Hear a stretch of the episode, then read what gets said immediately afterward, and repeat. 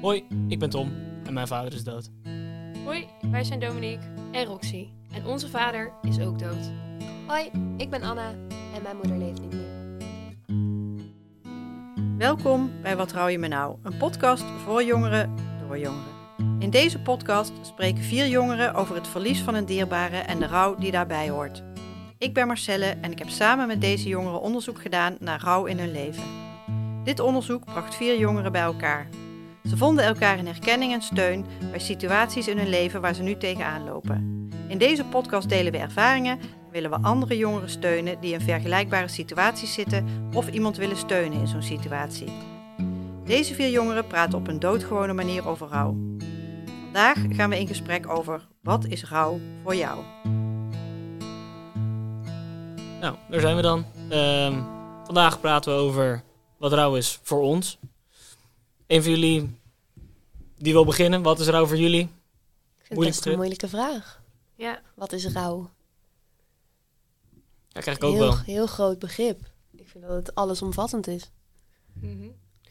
ja ik denk ook dat, je, dat het voor iedereen anders is. En dat, ja, dat het heel erg verschilt, ook bij ons alle vier. Ja, en alles mag ook. Ja. Alles kan, alles mag. Alle, het is iets heel persoonlijks, rouw, Mhm. denk ik. Ik denk dat iedereen het op een andere manier heeft ervaren. Ja, Ja, zeker weten. Ik denk dat het ook wel heel erg te maken heeft met de manier waarop je iemand bent verloren. Mhm. Ja, dat denk ik ook wel. Als jij iemand echt afscheid hebt kunnen nemen, kan ik me voorstellen dat rouw een proces is wat minder direct confronterend is dan als je iemand. Nou ja, dan begint te rouwen op het moment dat je erachter komt dat iemand gaat overlijden. Ja, Dan ben je al begonnen in dat proces. Terwijl wanneer dat heel plotseling gebeurt, eh, je daar op een heel andere manier in terecht komt. Mhm. ja dat Ja. denk ik ook wel. want hoe ervaren jullie dat? Ja, nou ja, wij zijn onze vader dan plotseling verloren. En ja, wat je ook hoort inderdaad van anderen is dat je dat gewoon heel anders ervaart. En ik heb dat eigenlijk ervaren dat mijn rouw pas na een jaar begon. Als in, Hoe bedoel je dat? ehm, nou ja, in het begin ben je nog zo in shock over alles wat er is gebeurd. En je kan eigenlijk niet eh, bevatten dat er iemand dood is. Dus je bent veel langer bezig met het stukje van iemand is echt dood. Dan, en daarna komt eigenlijk pas van wat ga ik nu doen met mijn leven? Hoe ga ik dit in mijn leven inpassen? En ik denk dat dat wel eh, heel erg verschilt dan wat jullie. maar ja. is dat eerste stukje van het niet kunnen bevatten dat iemand dood is niet ook rouw? Ja, het is, ja, het is eigenlijk, daar begint het mee, maar dat is eerst nog echt de shock. En dat je eigenlijk niet kan geloven dat iemand dood is. Ja. Dus de rouw begint echt daarna. Ik Voor zie het mijn ook wel een beetje zo hoor. Ik, ik had in het begin ook wel heel erg, los van het feit dat mij, ik le- leefde wel via een ziektebed toe naar overlijden, vond ik wel dat in het eerste stukje echt nog een soort van in een film zit. Heel herkenbaar. Ik Ja, dat alsof herken je- ik ook. Alsof, je, Oh, alsof het iemand anders overkwam en dat, dat het eigenlijk allemaal een beetje langs je liep. De wereld ging maar gewoon door en ja, Mhm. eigenlijk een heel bijzonder gevoel. Iets van, nee dit is helemaal niet bij mij gebeurd. De volgende morgen word ik wakker en dan zie ik hem weer of dan zie ik er weer. En, dan, ja, dat, en eigenlijk pas later zinkt het gevoel in dat iemand er echt niet meer is. Ja, En ik denk dat Ja. dat pijnlijke punt, de realisatie dat je eigenlijk iemand niet meer hebt, echt niet meer hebt, maar ook dat je het zelf moet doen en dat het een proces is in jou, dat voor mij, voor mijn gevoel startte daar echt rouw. Ja. En ook echt het pijnlijke stuk van rouw, want er zit natuurlijk wel veel, in mijn optiek veel meer Ik weet stukken nog dat eh, mijn moeder die zei tegen mij, eh, we hadden het over het verlies en ik had het daar ook heel erg met haar over, over hoe ik haar zou gaan verliezen. En toen zei ze, ja, maar wacht maar, het moment dat jij terugkomt van de uitvaart slash crematie en jij komt thuis in een leeg huis, dat is het moment waarop je het zwaar gaat hebben. Heb Ja. je dat ook zo ervaren? Ja, ja, eigenlijk wel. Ik vond dat wel heel bijzonder, omdat ze dat zelf soort van al mij op voorbereid had of zo. Dat ik dacht, jij bent hier degene die, die nu gaat overlijden en jij bent, bent mij aan het, aan het ondersteunen daarin. Ja, ik vond het heel bijzonder sowieso. Maar het was een, ze had wel echt gelijk. Ik Ja. weet nog dat ik, we hebben ook wel, wel geregeld dat toen we na de uitvaart eh, ehm, naar huis gingen, dat al onze vrienden daar waren. Eh, die hadden al onze, alle bloemen neergezet en eh, haar parfum door het hele huis heen gespoten. Dus dat was nog niet het moment, maar vervolgens ging iedereen naar huis. En dan denk je, ja, ja, ze is er niet meer. ja. Ineens Maar- is het echt. Kwam die shock voor jou misschien toen? Want ja, zeg maar, je hebt er heel lang nog bij je gehad, tot op een gegeven moment dat het overlijden echt kwam. Maar was na de uitvaart dat de shock bij jou kwam? Of was het zeg maar al op het moment dat ze overleed? Of kwam die shock toen je hoorde dat ze ziek Ik werd? weet niet, ik heb niet echt die shock ervaren, denk ik. Nee. Maar het kan dus ook komen, zoals ik net zei, vanaf het moment dat mijn moeder wist dat ze zou overlijden, heeft zij mij en mijn zusje en mijn vader meegenomen in dat proces. We hebben alles samen besproken en het is niet natuurlijk dat ik niet geschokt was. Tuurlijk was ik, ik was helemaal, ja, het was helemaal verschrikkelijk wat ik mee aan het maken was. Maar ik leidde mezelf er wel daardoor heel erg in dat ze er op een gegeven moment niet meer zou zijn. En dat verdriet dat werd er niet per se kleiner door, maar ik had niet een moment dat ik dacht van, ehm, oké, Ja. Natuurlijk, als je er maar op terugkijkt, wel dat ik wel dacht van, oh ja, dit is echt zo. Maar ik had niet die enorme shock. Ik weet niet hoe jij dat ervaren, want jij hebt natuurlijk ook eh, na een lang ziektebed iemand eh, over. Voor mij een beetje dubbel. Ik, ik, ik heb heel erg het gevoel dat het twee keer was. Een soort van een schokmoment wanneer je hoort dat iemand ziek is en dat je weet iemand gaat dus echt dood. Ja, En dat heeft eigenlijk ook nog wel een proces van dat dat moet landen. Want dat hoor je een keer en dan denk je oké, het zal wel. Dat moet nog een beetje settelen. En op een gegeven moment begin je de consequenties te zien van ziek zijn. Iemand zieker worden. Iemand aftakelen. En, en dat is op zich al, denk ik, een schokkend proces. Ja. Toeleven naar dat, naar dat gevoel.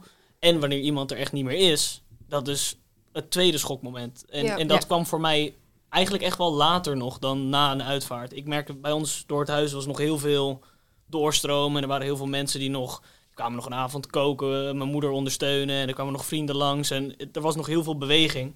En op een gegeven moment gaan die mensen ook hun leven weer leiden.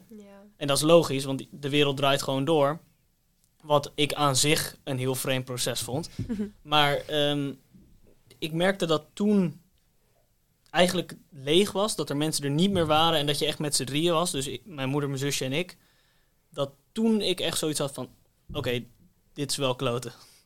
Dat je, ja. ja, als we dan even teruggaan naar wat is rouw nou voor jou? Hoe, hoe heb jij dat op dat moment dan... Wat heb jij daarmee gedaan met die gevoelens? Hoe heb jij dat een plek ge- kunnen geven en hoe heb jij daar, ben je daarmee omgegaan?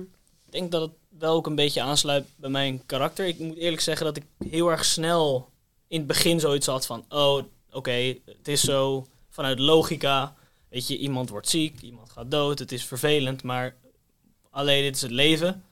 En dat dat de manier was waar ik het voor mezelf een beetje goed praatte. Toch wel, ik moet ook gewoon naar school en ik moet gewoon weer dingen doen. En eh, ik heb ook vrienden en ik heb nog sport. Dus ik ga maar gewoon weer dingen ondernemen. En toch een beetje in mijn eigen achterhoofd tegen mezelf zei... Ah joh, dit, dit doe je wel, dit heb je wel verwerkt. Dit, dit, dit kan jij wel, je bent al veel verder dan je denkt.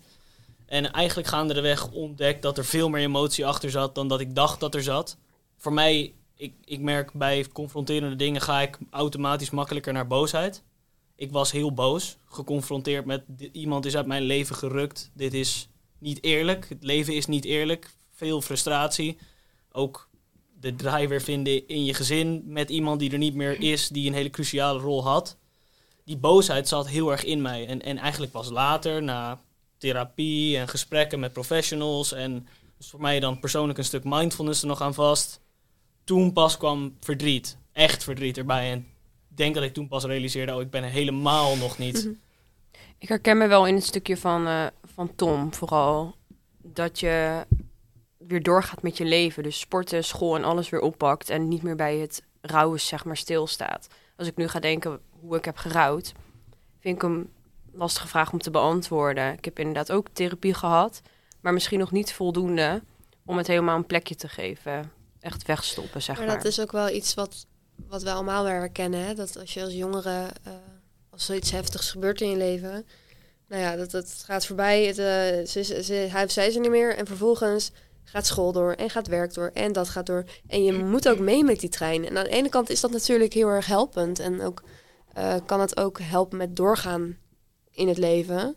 Maar aan de andere kant hebben we wel, krijgen we wel genoeg de tijd om, om er daadwerkelijk mee bezig te blijven. Ja. Ja. Ik denk dat dat ook wel een goede vraag is. Krijgen we de tijd wel van het leven? Eigenlijk gewoon niet. Want inderdaad, wat je zegt, alles gaat door. Maar de mensen om je heen gaan na een tijdje ook weer door. En dat maakt het ook wel moeilijk om er zelf bij stil te blijven staan. Omdat gewoon, ja, je wordt er zelf wel constant mee geconfronteerd. Maar je, je hebt het druk met andere dingen die ook moeten. En, en je wil je school halen. Ik zat toen de tijd in mijn examenperiode. ehm, waardoor ik op dat moment zelf ook geen tijd had om überhaupt ermee bezig te zijn, want ik moest mijn examens halen. En zo is dat denk ik voor iedereen wel op een bepaald moment dat er iets belangrijks gebeurt in je leven, dat het dan gebeurt. En ja, dan moet je gewoon door, dan heb je eigenlijk geen keus. En uiteindelijk merk je dat het er op een gegeven moment toch uitkomt. Ja, Ik heb dat heel erg ervaren toen, ik, eh, toen het bij mij alweer doorging. Ik denk nou, inderdaad na een jaar, toen ineens begon ik het heel zwaar te hebben met een aantal dingen. En dat kon ik dat eigenlijk allemaal terugleiden naar wat ik allemaal had meegemaakt. ja. Dacht ik, hallo, waarom heb ik hier niet eerder de tijd voor genomen? ja. Ik dacht, het gaat wel, maar dat komt omdat je zo in die flow zit. Ja, klopt. Je moet het echt eigenlijk opmerken dat je vast komt te zitten in, in je proces. Dat je eigenlijk Ja. te veel doorgaat met andere dingen in plaats van daar echt mee bezig bent. En ik denk dat je daar ook echt de tijd voor moet nemen. Want anders loop je het voorbij en dan heb je misschien er over vijf of tien jaar last van. Ja. Het is denk ik ook wel onderdeel van het proces. Ik denk dat een mens op een of andere natuurlijke wijze zichzelf beschermt van een hele grote hoeveelheid pijn. Een beetje zoals als een boot zinkt, dan gaan met stukken, stukken open of dicht, zodat hij niet helemaal zinkt. Compartimenten. En dat doe je mentaal ook. In het begin van verlies is het zo'n traumatische ervaring dat het stukje bij beetje je zoiets oplost. En het kan niet allemaal in één keer Nee. kan je dat bevatten, want het is zo onvoorstelbaar, pijnlijk, verdrietig, boos. Die emoties zitten er allemaal zo dat je eigenlijk eerst op een soort van autopiloot gaat. Eerst maar gewoon eten, drinken, leven, naar school, weer wat dingen oppakken. En dan langzamerhand komt er meer vrij. Ja, ik, ik merk nu, afgelopen januari, acht jaar geleden, dat voor mij pas veel later er weer stukjes bij kwamen waarvan ik dacht, oké, ik ben nu echt wel redelijk richting het einde van rouw. Maar zo werkt het niet. Er komen, wanneer je met dingen bezig gaat zijn, weer nieuwe stukken bij, realisaties, stukken waar je iemand mist. En ik denk ook als je zelf groeit, kom je nieuwe plekken tegen waar je iemand mist. Ja. Ja. En, en, en als je zelf ruimte krijgt om te rouwen, om die emotie te voelen, dan kan je ook wat meer op je bordje nemen. In het begin is je emmer zo vol Ja. dat het allemaal even niet kan. Dan is het even te veel. En dan is het in principe, zoals jij zegt, eh, Dominique, veel fijner om gewoon weer even dingen op te pakken en leven te leven. Want het kan niet echt anders. Je kan in een hoekje gaan zitten en dat mag natuurlijk ook. Ja. Maar het is wel een heel natuurlijk iets voor, voor mijn gevoel om gewoon. Dan dat komt langzaam vanzelf wel. Ja, maar Ja. aan de andere kant, doordat ik juist heel erg doorging en het niet echt, er niet echt mee bezig was. Ja, kijk, natuurlijk was ik er wel in- mee bezig en dacht ik ook wel teruggaan aan mama. Maar ehm, ik liet dat verdriet niet toe. En dat heb ik heel lang best wel eh, een beetje ondergedrukt, als, als, ik wel eerlijk, ik eerlijk ben.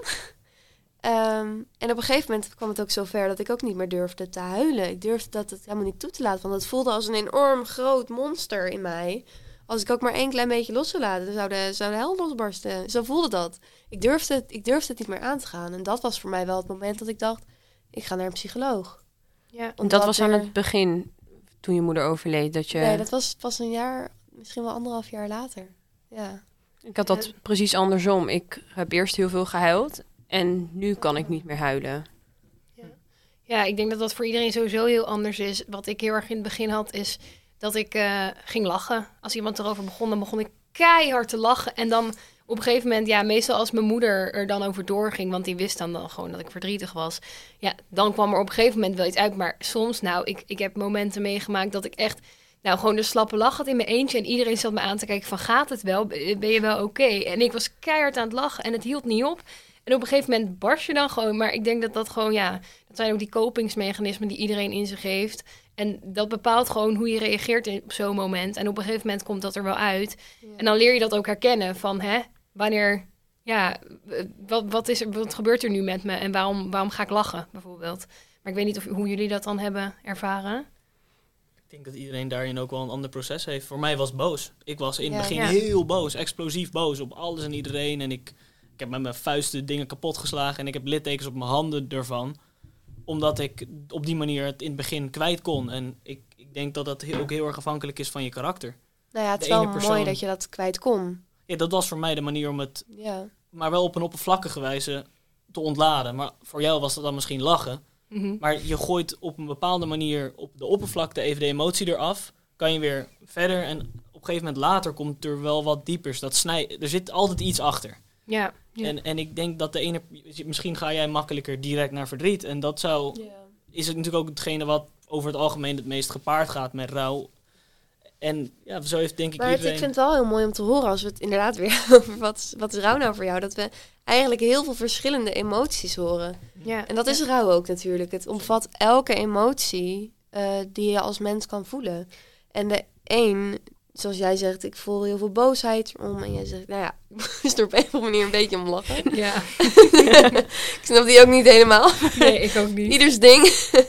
maar ik zelf had misschien inderdaad meer dat verdriet. Ik ben ook wel boos geweest, maar ik kon dat niet zo goed raken. Ja. Ik weet niet. Het loopt sowieso denk ik wel heel erg door elkaar. Ik bedoel, ik ben ook momenten zo boos geweest. En dat Ja. ik echt dacht, de wereld is gewoon oneerlijk. Wat doe ik hier? Ja. Eh, ik ben ook heel veel verdrietig geweest. Maar dus ook heel veel momenten waarop ik moest lachen. Of gewoon weglopen ervan. En naar feestjes gaan constant. Ik zat natuurlijk net na die examenperiode. Dus ja, feestjes waren natuurlijk overal en heel aantrekkelijk.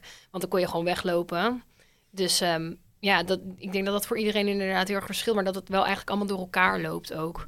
Dat je, Ja. je kan niet kiezen welke... Op, zo- soms, nu kan je gewoon kiezen welke emotie... Tenminste, dan kan je een beetje dat reguleren. Maar op dat moment kan je je emoties gewoon niet reguleren. De ene keer barst je een huil uit. De andere keer word je boos op iemand. Dat, dat, dat kan je gewoon niet reguleren dan. Nee, zo zie ik Ja. het ook wel. Ik had het ook wel. Een beetje een flurry van emoties. Maar voor mij Ja. was boosheid de boventoon. Omdat het hetgene was wat ik het meeste uitstraalde naar de mensen om me heen. Maar ook wel gewoon echt blijheid. Ik, ik, Ja. ik heb ook... Ik denk ook dat het op een bepaalde manier een soort bewustzijn bij jezelf creëert. Je Ja. wordt zo naar de realiteit getrokken door iets super ingrijpends. En in één keer ben je bezig met dingen waar je nog nooit mee bezig hebt hoeven zijn.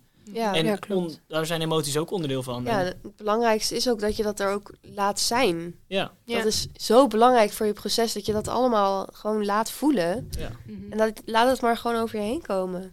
Ja. En hebben jullie dan ook het gevoel dat jullie misschien sneller volwassen zijn geworden? Dat heb ik namelijk wel heel erg. Ja. Ik weet ook Ja. niet of dat met leeftijd te maken heeft, maar ik weet niet hoe jullie daarnaar kijken. Ja, dat gevoel heb ik wel, ja. Nou ja, ja. je wordt gedwongen om zelfstandiger te zijn. Ja. Er valt een enorm belangrijk persoon weg uit je leven. Bij mij begon dat al op mijn 16e, 17e. Toen eh, ik wist dat mijn moeder ziek was. Vanaf dat moment ver- ver- verwachtte, werd er meer autonomie van mij verwacht. Ik moet meer dingen zelf doen. Ja, dus dat Ja. herken ik wel. Ja, je Ja. kan nu eigenlijk nog maar terugvallen op één ouder. Dus je leert eigenlijk zelf op eigen benen staan. Mhm. Ja. Ja, zeker. Helemaal mee eens. Ik denk ook dat je gewoon bijna een beetje in volwassenheid gesleurd wordt.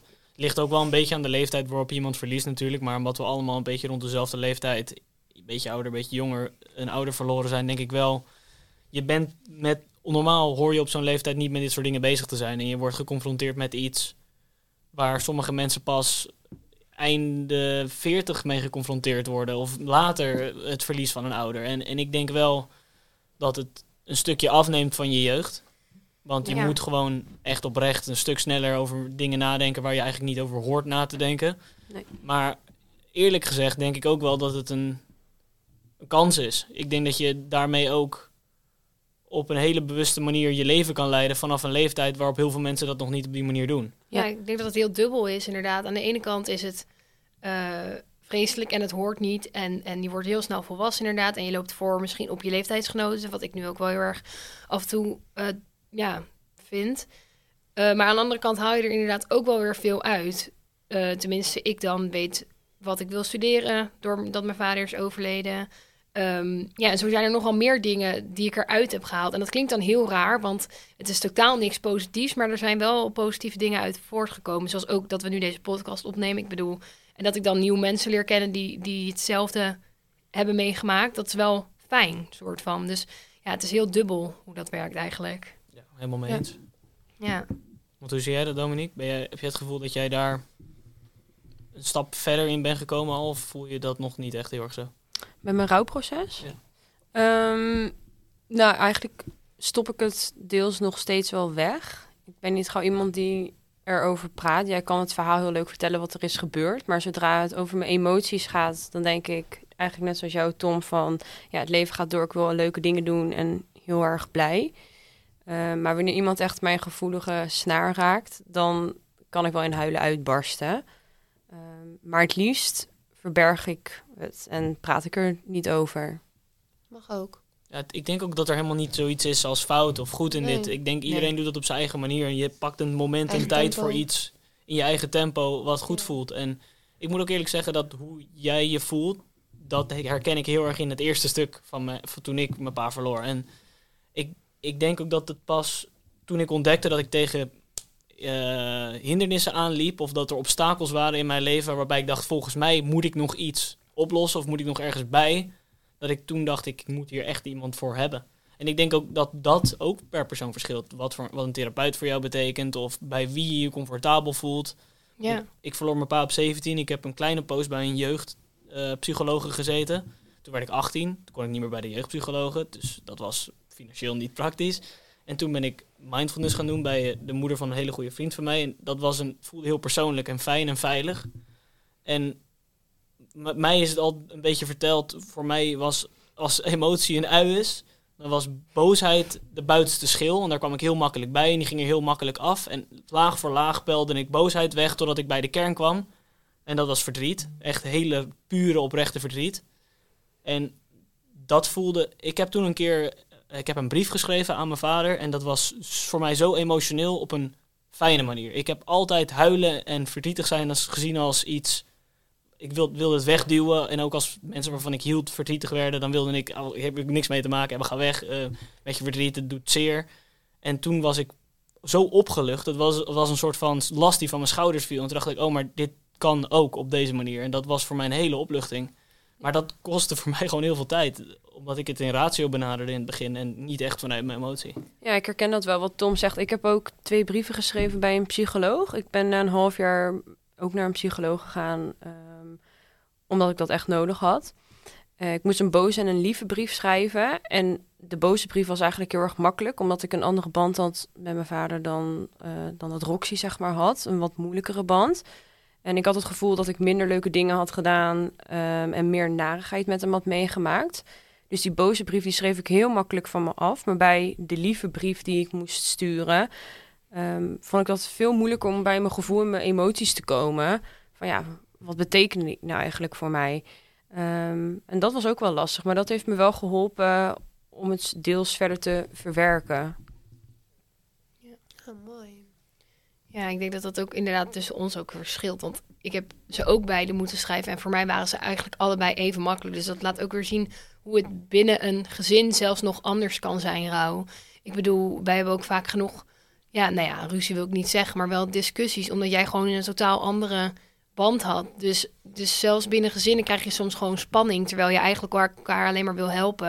En het juist belangrijk is dat je elkaar naar elkaar luistert en elkaar, en elkaar steunt. Maar dat gaat niet altijd even makkelijk. Want af en toe lijkt het alsof wij om iemand anders rouwen. Gewoon omdat, ja, ik, ik denk aan de fijne dingen die ik heb meegemaakt. Maar dat komt ook omdat ik minder, eh, minder niet fijne dingen heb meegemaakt. En dat is voor Doon natuurlijk heel anders. Dus ja, ik denk dat dat binnen een gezin zelfs ook nog heel erg kan, eh, Ja, heel kan verschillen. En dat maakt het voor mij ook, of althans, ik vind het lastig dan om thuis over rouw te praten, omdat wij thuis allemaal een ander beeld eh, hebben van eh, mijn vader. Want Mijn ouders waren ook gescheiden, dus iedereen heeft zijn eigen ja, kijk of beeld gekregen van eh, onze vader. En dat maakt het wel echt lastig dat ik denk van ja, thuis ga ik daar gewoon niet over beginnen om gewoon die discussies te voorkomen.